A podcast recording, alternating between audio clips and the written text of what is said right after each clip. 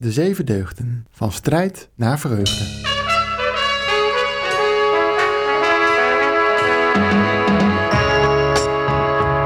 De zesde deugd, hoop. Hoop is in het Latijn spes. Volgens de Latijnse en Griekse mythologie was ze de godin van de hoop. Pandora ontving van Zeus een vat gevuld met kwaad. Het enige wat ze hoefde te doen was deze niet openen en de mensheid zou gevrijwaard zijn van ellende. Maar Pandora's nieuwsgierigheid was te groot en ze opende het vat om een heel klein kijkje te nemen. Rampen, ziektes en zorgen raasden al tierend langs haar heen. Geschrokken smeet Pandora de deksel dicht, met als gevolg dat de hoop die onderop het vat lag niet kon ontsnappen. Ik denk niet, ik hoop niet van, oh god, dat deze wereld zichzelf, dat de fundamentele gebreken die wij allemaal kennen, het gebroken zijn van de wereld, dat daar een einde komt, die hoop heb ik niet. Sterker nog, ik denk, ik heb de hoop dat we iets beter met die gebrokenheid leren leven. Hoop is niet allereerst iets waarvan je denkt, oh, het zal wel goed komen, maar eigenlijk je toevertrouwen in de christelijke zin aan God. En God zal er iets mee doen. Ik weet niet wat, maar het zal iets goeds zijn.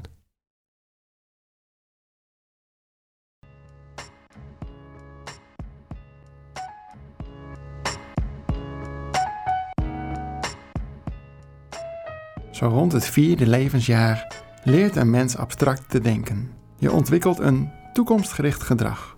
Je reageert niet alleen op prikkels in het nu, maar je leert je te gedragen naar een gewenst beeld. Wie hoopvol is, wil een positievere toekomst. Zijn er dan ook niet voor niets voornamelijk politici die generaties later nog herinnerd worden? Zij die ons in barre tijden horen te leiden naar een ongewisse toekomst, ons hoop geven wanneer het moeilijk gaat. Barack Obama zei: Yes, we can. Angela Merkel: Wir schaffen das. De Nederlandse leider die met heel veel omdenkkracht in de buurt komt van een hoopgevende pep talk, was in mijn beleving Jan-Peter Balkenende. Hij kwam met de leuze: We moeten weer wat meer VOC-mentaliteit vertonen. Een uitspraak die destijds al omstreden was. Balkenende. Dat voelt als een eeuwigheid geleden. Toch is hij slechts de één na laatste premier.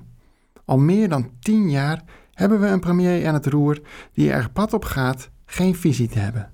Het zou maar een olifant in een porseleinenkast zijn. Wat doet dat met de inwoners van een natie, met ons? Kunnen we af zonder een politiek hoopvolle toekomstvisie? Waar vinden we dan hoop? In de bestrijders van het politieke systeem? Zoals Jezus, Gandhi, Muhammad Ali, Greta Thunberg? En zit het ook intrinsiek in ons? Hoe wekken we dat dan op? In deze aflevering luisteren we naar de hoopvolle boodschappen van Rabijn Tamara Benima, Jezuïet Bastiaan van Rooyen, pastor Rosaline Israël, auteur Arnold Grunberg, psychiater Damian Denis, oprichter van bierbrouwerij De Zeven Deugden Garmt Haakma en Plato-expert Emma Cohen de Lara. Ze hadden weinig oog voor uh, dat wat gegeven is. Dus, dus hoop is, ja, het is een deugd. En binnen het christendom is het in de eerste plaats ook een, een geschenk. Terwijl de, de oude Grieken waren misschien meer gewoon echte vechters. ook op het gebied van de deugd. Dus je hoeft niet te hopen op een goede afloop als je gewoon ervoor zorgt dat je nog net wat sterker en slimmer bent als de tegenstander. Exact, oefen, oefen nog maar wat meer. En, en, nog meer en nog meer. Nee, nee, dat wordt meer als een, soort van verworvenheid gezien. Uh, waar men dan ook trots op kan zijn. Ze hoopt er ook niet op uh, wind mee in plaats van tegen? Of, uh... Ja, ze, nou, ze hadden wel een begrip dat, dat je, je, je kon echt pech hebben in het leven. en uh, stadstaten konden tegenslag uh, verduren. Dus dat, dat, was zeker zo. En dan werd je soort van gestraft door de goden in het, in het algemene beeld. uh, dat had er ook wel mee te maken dat ze met, met die theïstische orde waar ik net over sprak. Dus ze, hebben ook een ze hadden een sterk besef van ja, wat we noemen hubris, zeg maar overmoed. Sterk besef dat je als je echt uh, je boekje te buiten ging. En dus eigenlijk ook die, die, die, die ordening, die kosmologische ordening overschreed met je daden en met je begeertes. Dan waren de gevolgen groter dan alleen maar van, nou ja, het, het gaat even mis. Dan, dan was er echt een soort van goddelijke woede die je over je heen riep. Dat, dat hebben ze allemaal wel. Dus een, een besef van pech en een besef van tegenslag, dat hebben ze zeker. Maar de hoop in, ja, in de christelijke zin dat je je geborgen mag weten. En dat speelt voor de oude Grieken eigenlijk, eigenlijk geen rol. Ja. Dat was het wel ook wel een, een andere cultuur, denk ik. Ik zou een stukje willen voorlezen uit het hele laatste verhaal over de, het leven van Jezus. We zijn op Golgotha, het moment dat Jezus veroordeeld is. Is veroordeeld tot de kruisdood. En dan worden er een aantal gebeurtenissen verteld rondom dat overlijden van Jezus aan het kruis. Rond het middaguur werd het donker in het hele land, omdat de zon verduisterde. De duisternis hield drie uur aan. En Jezus riep met luide stem: Vader, in uw handen leg ik mijn geest. En toen hij dat gezegd had, blies hij de laatste adem uit. We zijn hier helemaal aan het einde van het leven van iemand en het is een complete mislukking. Het lijkt in alle opzichten doodlopend. Iemand heeft geprobeerd een nieuwe leer te verkondigen en dat is niet geaccepteerd.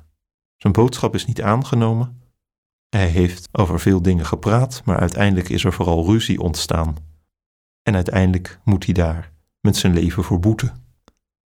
Het is duister. Zo heel mooi wordt er gezegd. Het werd donker in het hele land, de zon verduisterde. En dat is ook precies wat er gebeurt natuurlijk aan het einde van een leven. Hè? Het levenslicht dooft uit. Er is geen hoop meer, er is geen licht meer, er is geen toekomst meer. Iemand gaat sterven. En je kan soms de troost hebben van ja, er zijn toch een paar goede dingen in mijn leven gebeurd. Of sommige dingen gaan door. Maar dat was hier niet. Het was een gruwelijke dood. En dan die woorden van Jezus. In uw handen leg ik mijn geest. En dat is denk ik wat die hoop uitdrukt. Hoop op God. Die hoop wordt niet ingekleurd, er wordt niet gezegd: zorg ervoor dat, wilt u dat, maar gewoon: ik vertrouw mijzelf aan u toe. In uw handen leg ik mijn geest. Ik geef als het ware alles terug. En ik denk dat dat de hoop uitdrukt.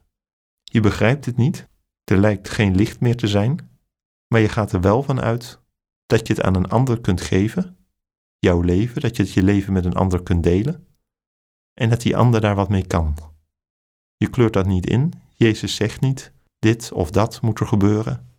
Nee, zelfs niet wilt u mij redden, maar in uw handen beveel ik mijn geest.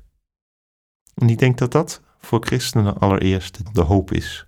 Een horizon van God. En dat is een verre horizon, maar het is wel de horizon van ons leven. We weten dat ons leven eindig is, maar we gaan er ook van uit dat God daar iets mee doet. En zeker nu ook, als we ook er op een hele harde wijze achterkomen dat ook de aarde waarop we leven sterfelijk is, dat ook de natuur vergankelijk is, net zoals wij, is dat denk ik wel iets om voor ogen te houden.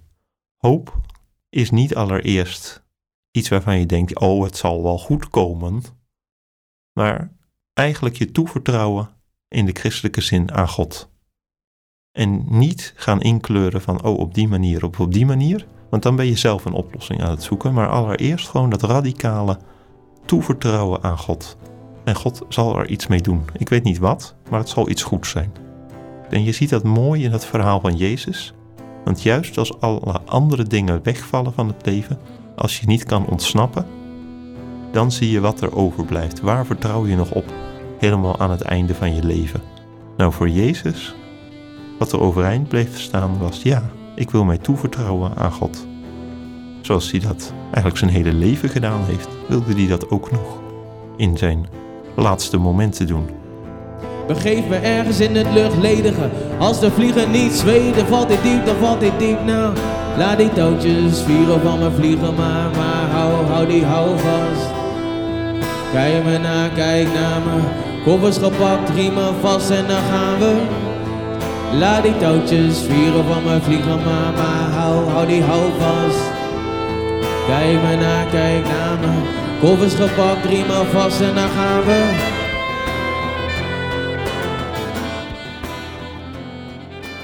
Het idee van het anker, ik ben niet enorm uh, op zeilen of iets met boten toegelegd. Maar het idee of het beeld van een anker, dat roept iets op van uh, die zwaarte. Die ergens je leven dus op een plek houdt. En daar zit altijd natuurlijk een ketting tussen. Er is een lijntje, er is een draadje. Dat soms uh, strak en uh, soms iets minder strak gespannen is. Dus er is ook een pool, er is ook een soort trekkracht. Nou, misschien wel een beetje die twee dingen. Dat er aan de ene kant een soort bodem is. Vastigheid, vertrouwen, iets in die richting. En dat de aan de andere kant dat je dus ook voelt dat er een, ja, een soort trekkracht, misschien wel vanuit de toekomst gaat, op jou toekomt. Waardoor je ja, soms en dan in die momenten van verstilling of stil worden of stilstaan bij waar, waar je voor leeft, dan kom je daar even weer helemaal mee uh, in contact. Maar waar denk je dat dan die de behoefte van een mens vandaan komt om die verbinding uh, niet te willen voelen? In ieder geval om altijd maar met die boot door te blijven gaan, ook al uh, staat dat, dat die lijn altijd strak gespannen.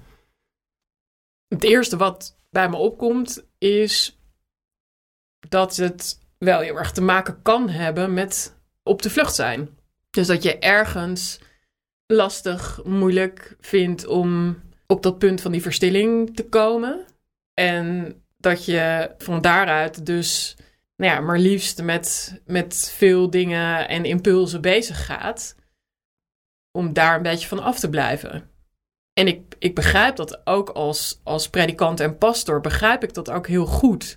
Want op het moment dat je in welke vorm dan ook die verstilling zoekt, word je ook heel erg geconfronteerd met, met jezelf en met wat er in jouw leven anders is gegaan dan je had gehoopt.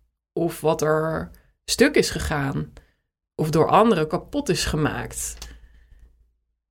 En dan denk ik, ja, en dat leren we volgens mij ook wel uit, uit, uit de psychologie, dat het iets heel verklaarbaars is, herkenbaars is, dat je daar liever vandaan blijft. Omdat we liever niet gebroken willen zijn? Maar... Ik weet niet of het is omdat we niet gebroken willen zijn. Dat zou kunnen, daar zou een element van in kunnen zitten. Dat het ingewikkeld is om geconfronteerd te worden met wat niet perfect is. Bij mij zou dat zeker kunnen dat het speelt. Maar als ik denk aan de mensen met wie ik optrek of een tijd heb opgetrokken als pastor en begeleider, dan zie ik ook wel echt heel erg dat er ook gewoon heel veel pijn is. En onverwerkte ervaringen. En dat we ja, misschien in, in onze gewone dagelijkse contacten afleren in ons leven om ons daarin uh, kwetsbaar op te stellen en dat met anderen te delen. Ik heb dat zelf uh, ook wel. Dat uh, negatieve ervaringen die blijken wegen bij mij minstens zeven keer zo zwaar als positieve ervaringen vaak. Hè? Ja, inderdaad. En, en misschien wel dat het juist mooi en goed en belangrijk is om daar dus juist wel ruimte aan te geven. Aan dat wat je moeilijk vindt. Of aan de pijn. Of aan de wonden omdat ik denk dat ergens daar misschien ook wel een sleutel ligt. Om juist weer, we hadden het net over hoop, hoop te ontdekken. En dat is ook iets wat, uh, wat ook onderzoek uitwijst. Een vriend van mij die uh, is gepromoveerd op, op het concept hoop in palliatieve zorg. Hij ontdekte in gesprekken met mensen in, in de laatste fase van hun leven dat wat hen hoop geeft, met name is het delen van verhalen met anderen. En dan juist ook die verhalen uh, over wat moeilijk, pijnlijk en in een situatie verdrietig en onomkeerbaar is, dat dat helpt om ook perspectief te blijven houden. Ja, een beetje zoals dan uh, Jezus aan het kruis nog op het allerlaatst tegen twee medehangenden uh, zegt van, is ook een plek voor jullie in de hemel. En maar in ieder geval meer van, jullie verhaal wordt gedeeld en jullie mogen er ook wezen. Als je het zo zegt, is het ook een heel pastoraal beeld, inderdaad. Dat terwijl Jezus daar, ja, zeg maar in het dieptepunt van zijn eigen geschiedenis met uh, de mensen uh, aan het kruis hangt, dat hij dan nog bezig is met degene die naast hem staan, in dit geval letterlijk naast hem hangen. En dat hij die perspectief en troost biedt. Ja, nu zegt hij, want en daarna of tevoren, uh, zegt hij in ieder geval uh, van, kijk moeder, dit is voortaan uh, ook jouw familie. Ja, dus hij doet het niet alleen met de misdadiger die naast hem hangt. Hij doet het ook met zijn vrienden die daar onderaan aan het kruis staan. Dus ook die biedt hij inderdaad een perspectief en hoop. En moedigt hij ook aan om, om je om elkaar te bekommeren en voor elkaar te zorgen. Ho, ho. Hoop doet leven, maar er is nog een hoop te doen. Auteur Emily Dickinson omschrijft hoop als iets met veren dat zich nestelt in de ziel. Iets, dat klinkt erg vaag, maar het is wel een juiste metafoor voor wat er in de toekomst op ons wacht. We weten het niet, maar de hoopvolle gedachte aan een mooie toekomst kan je veren geven, hetgeen de tocht lichter maakt. Op hoop van zegen. Het moet deze gedachte zijn wanneer zeezeilers onderaan onze planeet door barre stormen de kaap proberen te ronden. Het idee dat wanneer je voorbij kaapt de goede hoop bent, het zwaarste onderdeel van de reis achter de rug is. Auteur André Breton schreef eens: Stil! Ik wil daar gaan waar nog niemand is gegaan. Stil! Naar u, geliefde taal. Het woord van de belofte heeft zich genesteld in de ziel. De veren maken de vlucht mogelijk. Start de motor maar. Daar gaan we.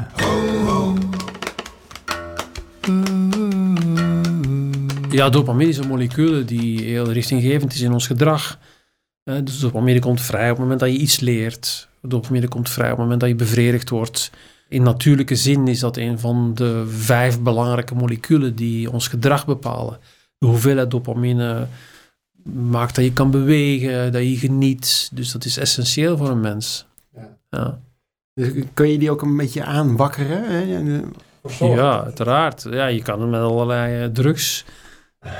Dat is wat mensen continu doen. Ja. al, allerlei uh, drugs uh, gaan dopamine vrijzetten. Ja. Maar op een, op, een, op, laten we zeggen, op een gezonde manier? Op een Ja, dat kan. Hè. Dus le leren verhoogt dopamine. Dus iets je eigen maken wat je niet kent, dat zorgt voor dopaminevrijzetting. Dus wij worden als mens beloond met dopamine op het moment dat we iets leren. Daarom moeten we het leren eigenlijk continu door laten gaan. Elke dag moeten we leren, omdat dat dopamine vrijzet, wat dat we prettig vinden. Voor mijzelf, voor de mensen om mij heen, hoop ik op verrijkende avonturen. Het leven als toch een belevenis, een, een avontuur in die zin dat het... Je hebt de rituelen nodig om de onzekerheid van het avontuur, de onzekerheid van het bestaan, te kanaliseren op te vangen. Dus die rituelen zijn eigenlijk wat de veren zijn in een auto. Die vangen de schokken op, zodat je niet uh, met een gebroken rug of met bont en blauwe billen elke keer uitstapt. Maar de hoop is toch de, de, ja, het, het, het avontuurlijke, het nieuwe, het, het meemaken van wezenlijke ervaringen. En daar nooit, daar niet, het, het niet uitgeleerd zijn, het willen blijven leren. Ik denk dat de witte vlek op deze wereld zijn bestaan waarschijnlijk niet meer. Misschien ergens nog in de Amazone. Maar wel voor jezelf ben natuurlijk op plekken. Kan je steeds weer naar plekken gaan waar jij nog niet bent gegaan. En dat is al gaan waar niemand is gegaan. Dus ik denk dat je voor jezelf altijd weer plekken moet zoeken waar jij nog niet bent gegaan. Het hoeft niet eens een heel concrete locatie te zijn. Natuurlijk kan je nog een keer naar Vietnam waar ik niet ben geweest. Maar het gaat ook om bepaalde dingen te doen of bepaalde ondernemingen, bepaalde gedachte-experimenten uit te voeren die je nog niet hebt gedaan. Net als je een schaakspel, dat je toch altijd zo open dat je toch nu ga ik met deze opening beginnen. Of bepaalde, ja, net een andere manier spelen dan vroeger. En eigenlijk toch weer steeds denken, het nieuwsgierig blijven ook naar, naar, naar andere mensen. Naar wie is die ander? Niet denken, ik heb alles al gezien, ik weet alles al. Maar je steeds weer eigenlijk op de positie, wat iets anders is dan naïef, op de positie van een onwetende schuilen. Dat is natuurlijk ook zo mooi wat Socrates zei. En over dat is de kern van de ironie. Ik weet dat ik niets weet. Dat is eigenlijk de voorwaarde om te kunnen gaan waar niemand is gegaan. Dat je het niet weet. Als je het al weet, hoef je er niet meer te gaan. Dus eigenlijk zegt Bretonda dat je je eigen blinde vlekken moet onderzoeken. Dat je eigen onwetendheid moet onderzoeken. En misschien als je heel erg oud bent, is, is het voldoende dat je nieuwsgierig bent naar hoe zou de zon vandaag voelen. Uh, toen mijn moeder heel oud ziek was, zei ze van nou, ik wil nog wel in het zonnetje voor mijn huis zitten. Dat vond ik ook wel mooi. Dat dat het zonnetje voor mijn huis, dus dat dat niet in een ziekenhuis, niet in een, gewoon daar op die plek, dat dat voldoende is als avontuur. Uh, maar zo oud ben ik gelukkig nog niet en val zo ziek ben ik niet. Dus dat, dat, ik heb nog heel veel andere wensen en verlangens. En, Maar ik hoop, ik ben niet, ik denk niet, ik hoop niet van, oh god, dat deze wereld zichzelf, dat de fundamentele gebreken die wij allemaal kennen in deze wereld, daar zijn we eigenlijk mee begonnen in dit gesprek, en dat het gebroken zijn, het gebroken zijn van de wereld, dat daar een einde komt, die hoop heb ik niet. Sterker nog, ik denk, ik heb de hoop dat we iets beter met die gebrokenheid leren leven. Ja, misschien heeft het juist als, als we allemaal in een paradijs leven, althans, ik las een Koran een keer en er werd echt letterlijk omschreven hoe het in de hemel was. En ik dacht dat... Dat is verschrikkelijk. Dat is de hele. Ja. Dat is, uh... Nee, dat is ook zo. Nee dat, is, nee, dat is verschrikkelijk. Het paradijs is ook heel onvrij. Um, nee, de komst, dat is natuurlijk omdat dat als je het Nieuwe Testament leest, dus aan de komst, aan het terugkeer van Jezus, gaat natuurlijk een eindtijd vooraf die vreselijk is. Ik weet niet of je het begrip kent, de kategon. De kategon zit dus in het, is een ophoudende macht, die de komst van de antichrist eigenlijk ophoudt, maar daarmee ook de komst van Jezus zelf, de terugkeer van Jezus zelf. En dat je eigenlijk, het is ook een opvatting in, in die, onder theologen, dat, dat dat is wat je zou moeten doen, je moet het tegenhouden. Dus de, het hopen op de Messias is een theoretisch hoop. Eigenlijk moet je niet willen dat hij morgen komt. En dat sluit heel erg mooi aan bij wat Kafka heeft gezegd in een van zijn, ik denk dat het in zijn dagboek. Hij zei, de Messias komt altijd één dag nadat hij niet meer nodig is.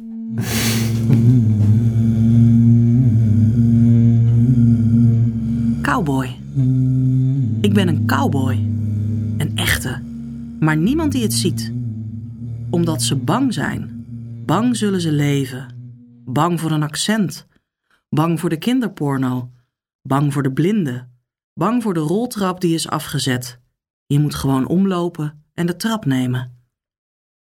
Mijn vader doet alsof hij de Amerikaanse taal niet machtig is. Om mij maar te laten geloven dat ik van hier ben. Maar daar trap ik niet in. Want je kan overal cowboy zijn. Indianen verdwalen niet. Ze zien er alleen zo uit omdat ze nergens thuis zijn. En wanneer ze niet weten waar ze zijn, dan weten ze nog steeds waar ze niet zijn. Ik heb nooit willen weten waar ik ben. Je kan overal cowboy zijn. Al mis ik de verte, wanneer ik in het wilde weg staar. Ik mis het zonder. Zonder zijwieltjes, zonder handen, zonder jou, zonder jas. Kan ik nog zonder? Zonder meer. Roos Rebergen.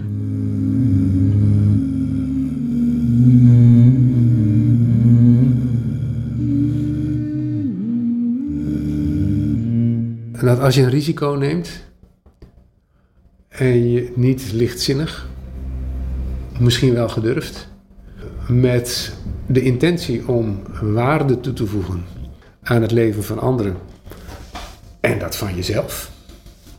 En dat met die intentie uh, je eigenlijk nooit uh, op je neus kunt gaan. Economisch wel, financieel wel. Uh, maar ik, ben, ik heb nog geen cent verdiend aan deze brouwerij, maar ik ben geestelijk zoveel rijker geworden.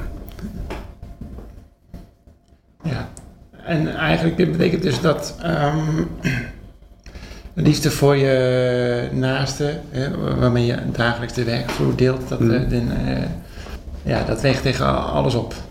Ja. Ja. Nee, dus uh, ik denk wel eens van waar ben ik aan begonnen om zo'n onderneming uh, op te zetten. Nou, dat is nog één. Maar om het draaiend te houden, om het winstgevend te krijgen enzovoort, dat is best een grote klus. Uh, maar ik heb nooit spijt gehad van de stap die ik heb genomen. Ja, hoop is eigenlijk wel een, uh, een ingewikkeld uh, verraderlijk concept misschien wel.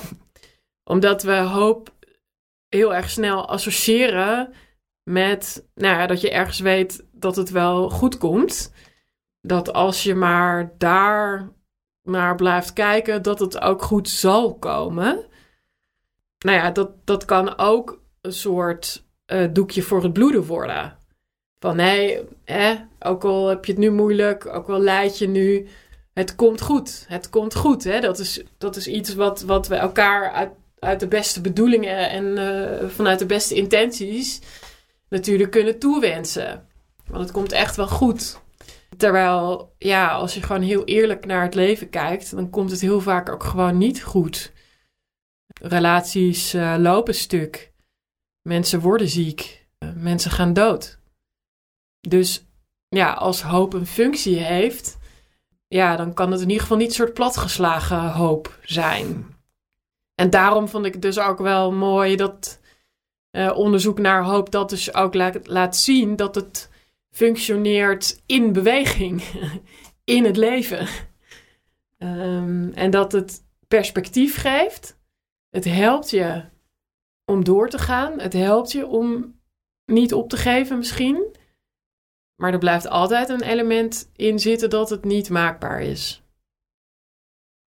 Ja, maar dus, eh, alleen al het vertellen van jouw leven zorgt misschien ook wel voor een, bepaalde openheid. Of in ieder geval opluchting. Maar wat jij net zei, ja, er zijn natuurlijk heel veel van die voorbeelden van allemaal vergezichten. Uh, Martin Luther King is natuurlijk een enorme bekende. En dan iedereen denkt van nou, dan is het overmorgen opgelost. Dan is er gelijkheid. En, en, Jezus bood het ook al. Hij zei van nou, binnen jullie leven zullen jullie het paradijs zien. En dan is er nu natuurlijk heel erg de vraag wat je als paradijs beschouwt. En, uh, zullen heel veel mensen dan ook wanhopig worden van ja, niet binnen drie jaar, binnen één uh, generatie is er in het geval van Martin Luther King gelijkheid of niet. Ik zie niet binnen tien jaar dat het paradijs op aarde is ontstaan. Maar toch kunnen vergezichten misschien wel helpen om kleine stappen te zetten? Ik vind het mooie van de Bijbelse uh, verhalen en verteltraditie.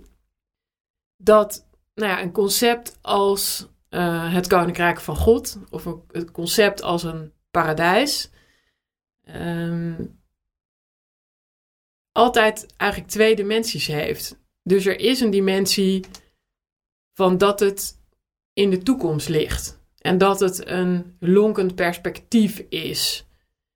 Ehm, zonder dat je nou helemaal precies weet uh, hoe het eruit ziet. En tegelijkertijd dat dat lonkende perspectief wel degelijk ook iets voor nu betekent.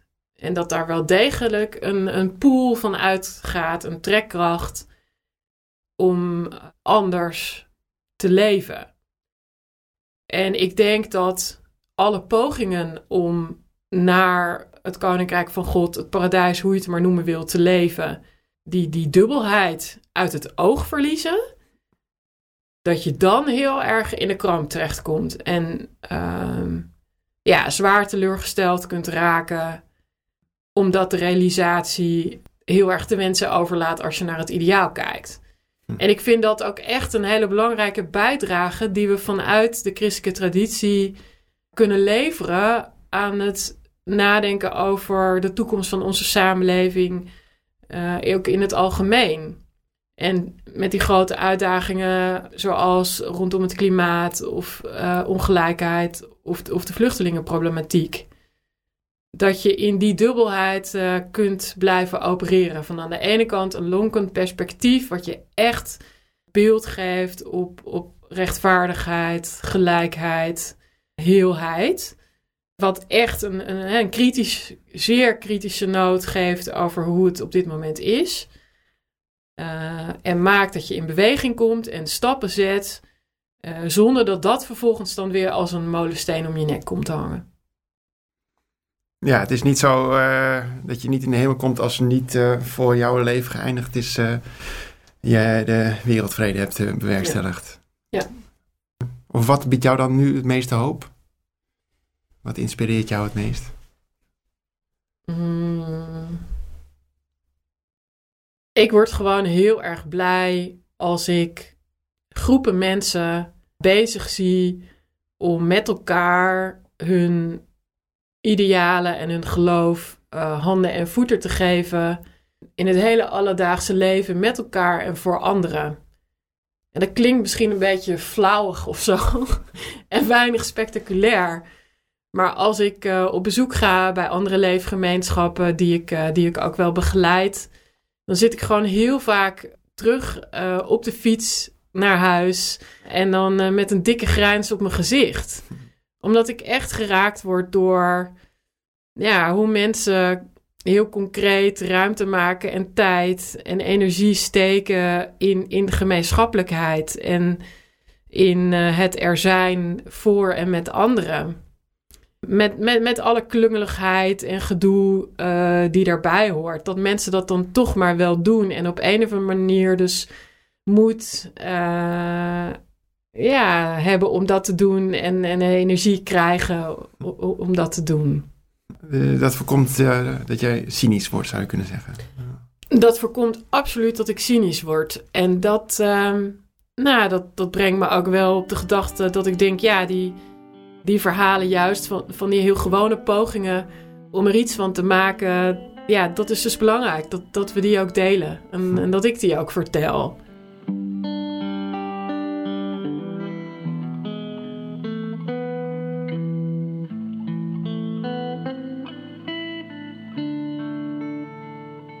Voor mij geloof allereerst een reactie is op wat je gaat doen.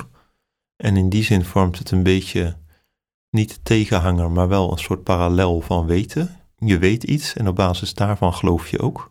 En dan ga je iets doen. Terwijl hoop is veel meer hetgene wat aanwezig is in je leven, wat je licht geeft. En op basis waarvan je denkt, ja, dat is iets wat, mij, wat bij je blijft als je helemaal, zoals in dit geval Jezus, aan het einde van je leven, hoefde Jezus niks meer te doen? Ik bedoel, het enige wat, er nog moest gebeuren was zijn sterven. Dus dan hoef je niet meer te reageren op iets, maar dan, wordt, dan blijf je wel hopen. Er blijft iets, denk ik, dan zie je wat hoop is. En dat is denk ik toch allereerst het je toevertrouwen aan. En dat is voor mij toch wat anders dan het actief vertrouwen, want dat heeft voor mij toch ook iets van je moet iets doen. Je gaat ergens mee om. Geloof is ook in die zin, denk ik, actief. Um, een beetje met, uh, zoals we dat ook in de Bijbel lezen. Geloof is niet alleen maar de mening die je hebt, maar het zijn ook de werken die je doet natuurlijk. Maar um, wat is dan het verschil als je zegt van uh, daar vertrouw ik in en, en, en daar hoop ik op? Ik denk niet dat je verschil kunt maken, daar vertrouw ik op en daar hoop ik op. Maar dat komt ook omdat je geloof en vertrouwen niet één op één op hetzelfde kan zeggen. Het is een ander woord. Ik denk dat geloof een reactie is op een openbaring. En ik denk dat hoop een natuurlijke openheid is richting het leven. Hoop is allereerst hetgene dat je ervan uitgaat dat er altijd iets is om voor te leven. En dat is wat anders dan, dan geloof. Geloof is denk ik, ja, ik geloof jou. Dus dat betekent dat je vertrouwen hebt in iemand. Je gaat ervan uit dat het waar is. Terwijl hoop, dat is een, ja, toch wel het, de basis van het leven waarop je denkt, ja, er is een reden om het te doen. En in die zin denk ik is hoop veel centraler nog dan geloof. Want hoop is iets wat je nodig hebt om te leven. Op het ogenblik als je helemaal niet hoopt, als je nergens op hoopt, dan is er ook weinig kans op leven meer. En ik denk dat geloof is volgens mij voor mij toch altijd echt iets actievers. Iets op basis waarvan je ook aan de slag gaat. Een reactie op. Uh, een, heel bekend voorbeeld is van uh, hoop. Obama, hè, een van zijn boeken heette zelfs Audacity of Hope. En hij riep steeds Yes, we can. Is dat dan een hoop uitspreken van ik kan het niet alleen, maar als we allemaal aan de slag gaan, dan? Volgens mij betekent, is het allereerste bijzondere van grote leiders, is dat zij een werkelijkheid voor zich zien die er nog niet is. Iemand als Martin Luther King, die zag de mogelijkheid van een onverdeeld Amerika voor zich. En op basis daarvan kon hij die uitspraken doen. En dat is denk ik wat hoop is. Je ziet de werkelijkheid al voor je zoals die er nog niet is, maar die in potentie wel mogelijkheid is in de meest gunstige omstandigheid. Je ziet als het ware een stukje hemel. En dat is denk ik wat hoop is. Je ziet in onze werkelijkheid ook al datgene hoe het idealiter zou kunnen zijn. En daarin betekent dus dat je juist in het geval van Jezus overlijden aan het kruis, was het enige wat, hij, wat er nog goed kon zijn, was dat hij naar God toe ging. Voor de rest was er niks meer. Er was geen leven meer. Zijn volgelingen leken verstrooid. Het leek een complete mislukking. En toch kon hij zich nog toevertrouwen aan God. En dat is denk ik aan wat hoop is. Je kunt in de omstandigheden toch nog iets blijven. Ja, toch nog ervaren dat er denkt iets van het realiseren. Dat, en ik denk dat dat is wat Obama bedoelde in dat Yes We Can. Er is de mogelijkheid, er is dat ideaal van een land zonder al die problemen. En proberen dat te realiseren. Dat is denk ik zeker hoop, maar volgens mij heb je dan ook wel heel erg duidelijk geloof nodig. Geloof om te reageren op hetgene wat er gebeurt in je leven. En ook inderdaad die problemen aan te gaan pakken. Dat het niet alleen blijft bij een horizon, maar dat je ook probeert tot te verwezenlijken. Hoop wordt vaak uitgedrukt in een christelijk verband met een anker. Is dat eh, omdat je dan de houvast van uh, het geloof hebt, waardoor je kunt hopen? Hoe moet ik dat zien? Nou, ik, vind het, ik vind het anker een, een heel mooi beeld van hoop. Want dat zie je ook precies in dat verhaal van Jezus. Wat is dus het enige wat stand houdt? Als al het andere niet meer lijkt te functioneren. Als er een einde aan het leven komt. Als je, als je volgelingen je verlaten hebben.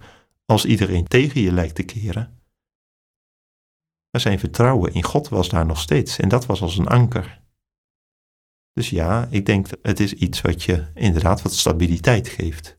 Ik vind het een heel mooi beeld. En ik vind dat in die zin ook wel echt anders dan, dan geloof. Want het geloof is toch voor mij, om toch maar in die vergelijkingen van schepen te blijven, is hetgene op basis waarvan jij de koers uitzet en verder vaart. Terwijl het anker van het hoop toch hetgene is wat je stabiliteit geeft en vastheid, juist ook in een storm. Terwijl je misschien in een dagelijks leven als christen vooral geloof nodig hebt, zul je vooral in moeilijke momenten toch vooral hoop nodig hebben.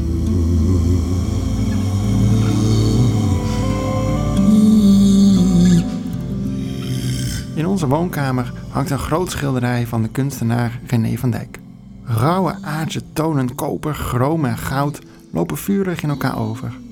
Door het gewoel zie je het haast over het hoofd, maar links staat aplomp een gele streep, een tent vlekkeloos geel. Je zou bijna denken, dat is een schildersfout. Of is het een schilderstruc? Een bewust aangebrachte lacune. Een plek waar je kunt rusten. Je kunt afzonderen van het gewoel. Een veilige haven. De wetenschap dat Kaap de Goede Hoop niet lang meer op zich laat wachten. De koers gericht op heiliging. Goethe schreef eens: Wijsheid is als een schip die door de zee vaart. Aan de voorkant duwt de wijsheid de domheid wat uit elkaar, aan de achterkant sluit het weer. Deze cynische blik mag weliswaar maar al te vaak blijken te kloppen. Het neemt niet in ogenschouw dat het schip verder komt, al voelt het soms als een golfbreker die dichtgevroren zit. Letterlijk dichtgevroren zat het voor Václav Havel. Lang voordat hij de premier van Tsjechië zou worden, trad hij op als dissident tegen het communistisch bewind.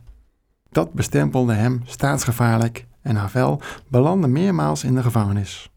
Van hem komt de vaak aangehaalde uitspraak: Hoop is iets betekenisvol doen en naartoe werken omdat het goed is, ongeacht of het slaagt of niet. Tijdens zijn soms uitzichtloze situaties bleef hij hoop houden door wekelijks brieven te schrijven aan zijn vrouw Olga. Nog zwaarder moet het voor Nelson Mandela zijn geweest. 27 jaar lang zat hij gevangen en slechts eens per half jaar mocht hij een brief van maximaal 500 woorden versturen. Na lang aandringen mocht hij op barre grond een moestuin beginnen. De oogst deelde hij met bewakers en medegevangenen. In een van zijn brieven schreef hij: Zelfs in de meest uitzichtloze tijden zag ik soms een glimp van menselijkheid in een van de bewakers. Misschien maar een seconde lang. Maar het was voldoende om me gerust te stellen, zodat ik weer verder kon. De goedheid van de mens is een vlam die wel verborgen, maar niet gedoofd kan worden. Twee dissidenten, twee politici, die een geestelijke tuintje bijhielden door hun zinnen te verzetten en zo lichtpuntjes creëren om de moed erin te houden. Het klinkt heel hoopvol en inspirerend voor ons. Maar wat doe je wanneer je een heel ander soort gevangenschap ervaart? Wanneer je het gevoel hebt dat je ziel dichtgevroren is? Wanneer je niet kunt vertrouwen dat het ooit goed zal komen? Ik ben, uh, doordat mijn grootmoeder stierf toen ik zes was, was geopereerd en kreeg een, uh, een bloedtransfusie met een bloed van de verkeerde bloedgroep en was van de ene moment op de andere dood. En zij was mijn anker. Vanaf die tijd was ik depressief en suicidaal. Maar ik heb altijd gedacht van, en het is echt zo, als er één dag is in mijn leven dat ik komt, dat ik gelukkig ben, is het de moeite waard om te blijven leven. En kennelijk ging, was dat meer dan hoop. Heb ik er echt ook vertrouwen op gehad dat dat, dat dan misschien wel zo zou zijn. Ja. Ja. Maar zo bar was het wel. Eén dag van geluk.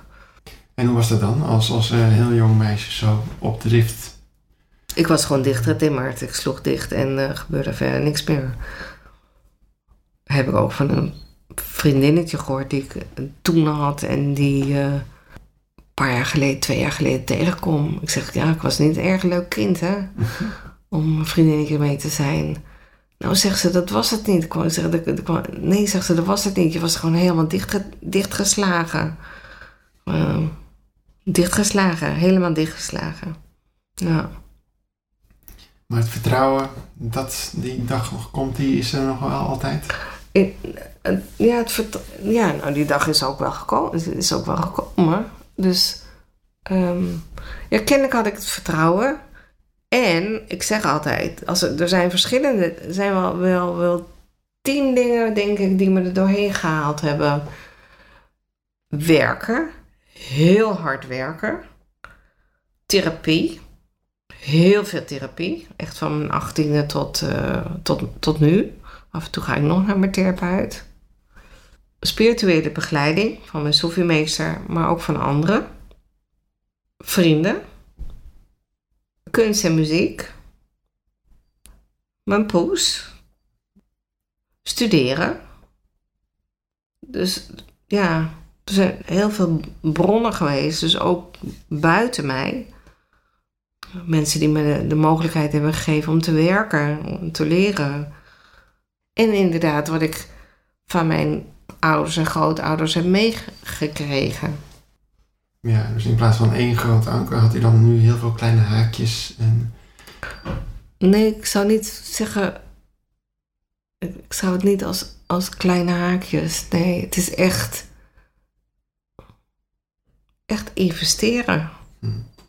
Investeren, investeren. Trouw blijven, werken ja, tot op de dag van vandaag. Ik zit echt gewoon een paar uur per dag naar interviews te luisteren, naar TED-talks te luisteren, boeken te lezen, gesprekken te voeren met mensen. Ja, om te kijken hoe, hoe nieuws, mijn nieuwsgierigheid heeft me er doorheen geholpen. Mijn liefde voor mensen, alhoewel ik er tot mijn 38ste, 42ste misschien wel van overtuigd was dat ik echt niet van mensen hield. Maar dat blijk ik wel te doen. Waar denk je dat dat mee te maken heeft? Dat het gewoon op een gegeven moment zoveel bereikt is dat, dat uh, het glas niet meer half leeg is? Het glas is nooit half leeg geweest. Het glas was leeg. Maar het, het, het, ja, hoe moet je dat nou zeggen? Toen ik bijna 40 was, dacht ik van 40 jaar in de woestijn en geen beloofd land in zicht. Het glas was gewoon leeg. emotioneel was het eh, afschuwelijk. Echt gewoon woestenij. ondanks de, de, de, de, de, liefdes die er waren, ondanks de mannen die, die echt heel veel van mij hielden, ondanks de vrienden die heel veel. Het was toch woestenij. Maar ja, ja, ja ook de woestenij is, um, heeft zijn functie en heeft schoonheid. En ja, dat is dan wat het is. En op een gegeven moment dan ben je toch uit de woestenij. En je weet soms zelf niet hoe dat is. Maar ja, het leven is soms. Je, je moet echt wel heel erg lang door de woestenij. Ieder, denk ik. Wat me ook heeft geholpen. Ah, mijn Sophie-meester, die. Ik was zijn secretaresse een paar jaar. We stonden te praten en hij vroeg aan mij en nog vier anderen of zo. Do you want to be a loser at the beginning of your life or at the end? Ja. En er zijn heel veel tijden dat ik dacht van, nou ja, loser at the beginning was ik al, dus nee, ik wil het niet aan het eind zijn. Dus, al, dus als je het hebt over hoop, dan denk je van, ja, er zijn, zullen altijd mogelijkheden zijn om, om op te houden, te verliezen en weer iets binnen te slepen wat goed is. Ja. Dus- Voor iedereen. Zelfs als je alcoholist bent, hè, wat ik een van de vreselijkste ziektes vind die er zijn. Nou, ze, ze, doen nu implantaten in uh, de VU, meen ik. Waar je van je obsessieve gedrag, hè, want dat is natuurlijk wat alcoholisme is, kunt worden genezen. Zijn ze nu maar mee in het voorstadium. Dus er is altijd hoop. Ja, dus niet alleen persoonlijk zo te horen, maar ook uh, gewoon voor de mensheid op de lange termijn de nieuwsgierigheid die ervoor zorgt dat we altijd. Ja, ik geloof dus helemaal niet in. Ik, ik geloof wel dat we in een extreem moeilijke situatie zitten, omdat het totalitarisme wat door Hannah Arendt geduid is als een nieuwe regeringsvorm, anders dan de tirannie, echt nu heersend is op deze wereld. In China, wat echt de nieuwe, die nieuwe naties zijn, vind ik. Met concentratiekampen waar ze mensen doodmaken om hun organen te oogsten, maar ook met de surveillance. Alles wordt bekeken en geregistreerd. In Rusland, maar ook in Amerika, ook hier. Ik vind echt dat we allemaal in een totalitaire samenleving zitten. Maar hier heel moeilijk te zien, want alles wordt verkocht onder het mom van veiligheid. Ik maak me heel veel zorgen over het milieu, wat echt gewoon planetair vergiftigd is, maar dat is iets anders dan klimaat. Dus dat vind ik heel erg. Ik maak me zorgen over obesitas. Nou, er zijn nog allerlei soorten andere dingen. Dus ja, we zitten in een hele moeilijke situatie, maar als de wetenschap doet wat ze moet doen, wat ze nu helemaal niet doet, en als de journalistiek doet wat ze moet doen, wat ze nu helemaal niet doet, dan wel. En als de religie weer gaat doen wat ze moet doen, en de kans krijgt om dat te doen wat ze moet doen, nou dan uh, komt het, komen er heel veel dingen nog wel goed. Niet alles, maar wel heel veel. Altijd als de schemering komt, lijkt het of ik zomaar verstond want ergens tussen licht en donker zijn we diep gezonken. Er ligt liefde op de bodem van de oceaan. Ik kan nooit meer slapen, ik moet het halen. Ik moet heel diep duiken voor de zon weer ondergaat.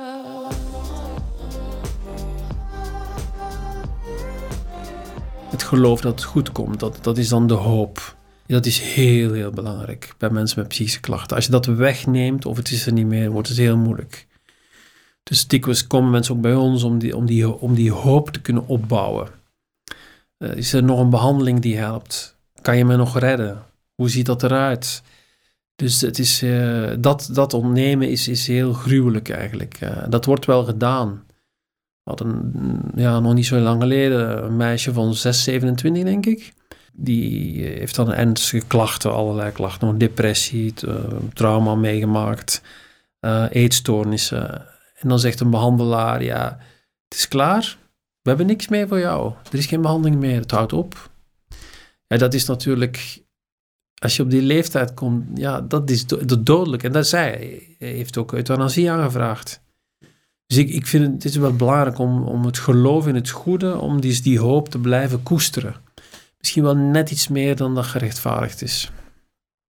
Maakt het dan nog verschil als of de mensen geloven in een hiernamaals? Het zou kunnen. Kijk, voor veel mensen, ja, voor, dat is in religie in het algemeen, een geloof in hiernamaals. Voor sommigen is dat heel louterend is dat uh, voor anderen is het uh, onbegrijpelijk. Dus dat, daar zit, het is heel individueel verschillend. Dus ik denk ook dat de, in, de impact van religie ook heel, heel verschillend is. Bij sommige mensen is het absoluut belangrijk om structuur, steun te bieden, een principe te huldigen wat ze niet begrijpen, maar wel alomtegenwoordig is, gemeenschapszin creëert. En voor anderen is het nutteloos, is, is er geen bewijs voor. Dus de, daarin is natuurlijk onze samenleving wel heel hard. Dus dat, dat uh, iedereen bepaalt voor zich wat toegankelijk is. Uh, we komen dan in een heel ja, heterogeen veld terecht, waar mensen ja, geloven in wat zij prettig vinden. Ja.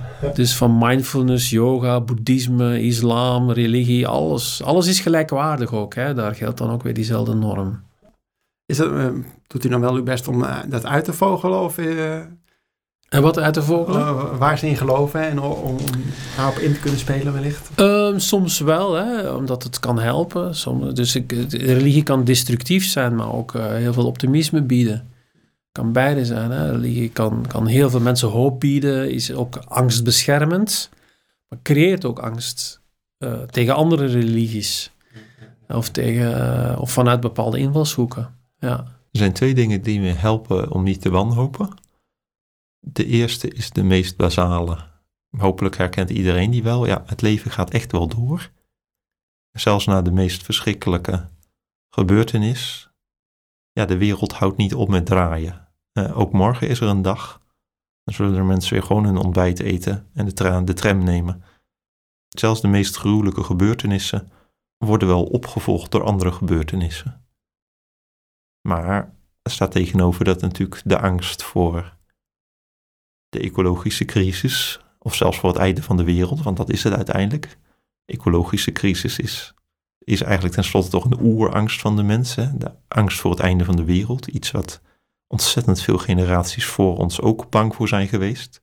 Op andere wijze, met minder wetenschappelijke onderbouwing wellicht. Maar die, het idee van het einde van de wereld is wel iets wat eigenlijk heel, heel lang aanwezig is in het denken van de mens. Dus iets van ja, het leven gaat wel door, wat er ook gebeurt. Maar goed, anderzijds is natuurlijk het einde van de wereld, wordt nu wel degelijk een reëel iets. En dus wat mij dan toch vertrouwen geeft, ja, maar God is daar ook mee bezig. God is aan het werk in die wereld. En er zal iets goeds uitkomen, ook als ik niet kan zien wat. Vandaar ook dat ik begonnen ben met die tekst van het overlijden van Jezus. Ja, ook in een situatie waarin alles donker lijkt, waarin er geen uitzicht meer is, kan God wel degelijk een uitkomst bieden. En zelfs de meest moeilijke situaties is er ook de mogelijkheid om wel goed te doen en om wel iets goeds te vinden. In elke situatie is er de mogelijkheid om iets goeds te doen. En dat is voor mij toch wel de aanwezigheid van God daarin.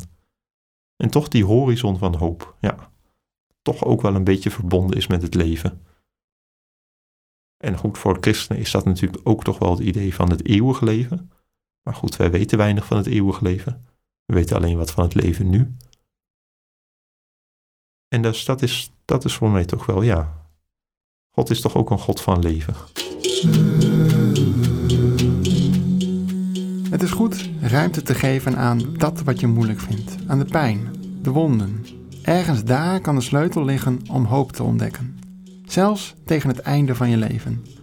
Door je levensverhaal te delen met anderen, om betekenis te geven aan jouw leven en om dat tot betekenis te laten zijn voor toekomstig leven. Zoals Jezus in het dieptepunt van zijn leven troost biedt. Hoop kun je aanwakkeren. Dopamine komt vrij wanneer je iets nieuws leert. Dopamine is hopamine. Spinoza zei: Hoop is de vreugde die je ervaart van de verwachting dat de toekomst positief zal uitpakken. Het maakt het leven tot een avontuur. To boldly go and no one has gone before. Niet waar anderen nog niet zijn geweest, maar te beleven wat je nog niet hebt ervaren. Hetzelfde schaakspel met een nieuwe set openen. Wat dat betreft hoeft het avontuur niet groot en meeslepend te zijn. Ook in de kleine activiteiten schuilt een onontdekt wonder. Voorwaarde is te beseffen dat je de afloop niet weet. Het gaat om de intentie waarde toe te voegen. Dan ga je, geestelijk gezien, nooit op je neus. Hoop is geen doekje voor het bloeden. Je kunt wat dat betreft niet hopen op de openbaring. Morgen is er geen paradijs. Hoop functioneert in beweging, in de cadans van het leven. Het concept van het Koninkrijk van God heeft twee dimensies. Het ligt in de toekomst als lonkend perspectief. Een perspectief dat iets voor nu betekent. Het biedt de mogelijkheid tot verbetering. Hoop laat licht achter. Onder alle omstandigheden kun je nog iets realiseren. Anderen kunnen met het gecreëerde licht de fakkel overnemen. Waar geloof hetgeen is op basis waarvan je de koers uitzet, is hoop het anker dat stabiliteit geeft. Hoop is er om te koesteren, zelfs net iets meer dan gerechtvaardigd is. Ook de meest gruwelijke gebeurtenissen worden opgevolgd door andere gebeurtenissen. Zelfs al zit je 40 jaar in de woestenij, het zal ergens goed voor zijn. Er zal iets uitkomen.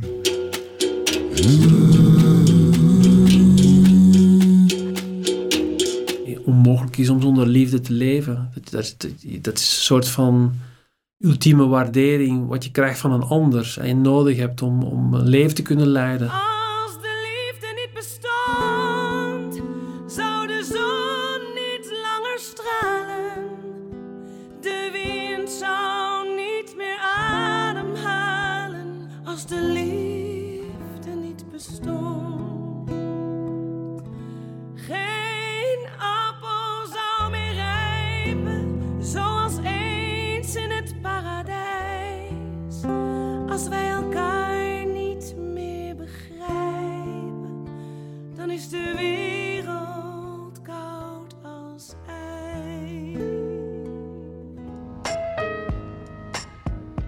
Ons resten geloof, hoop en liefde, maar de grootste daarvan is de liefde.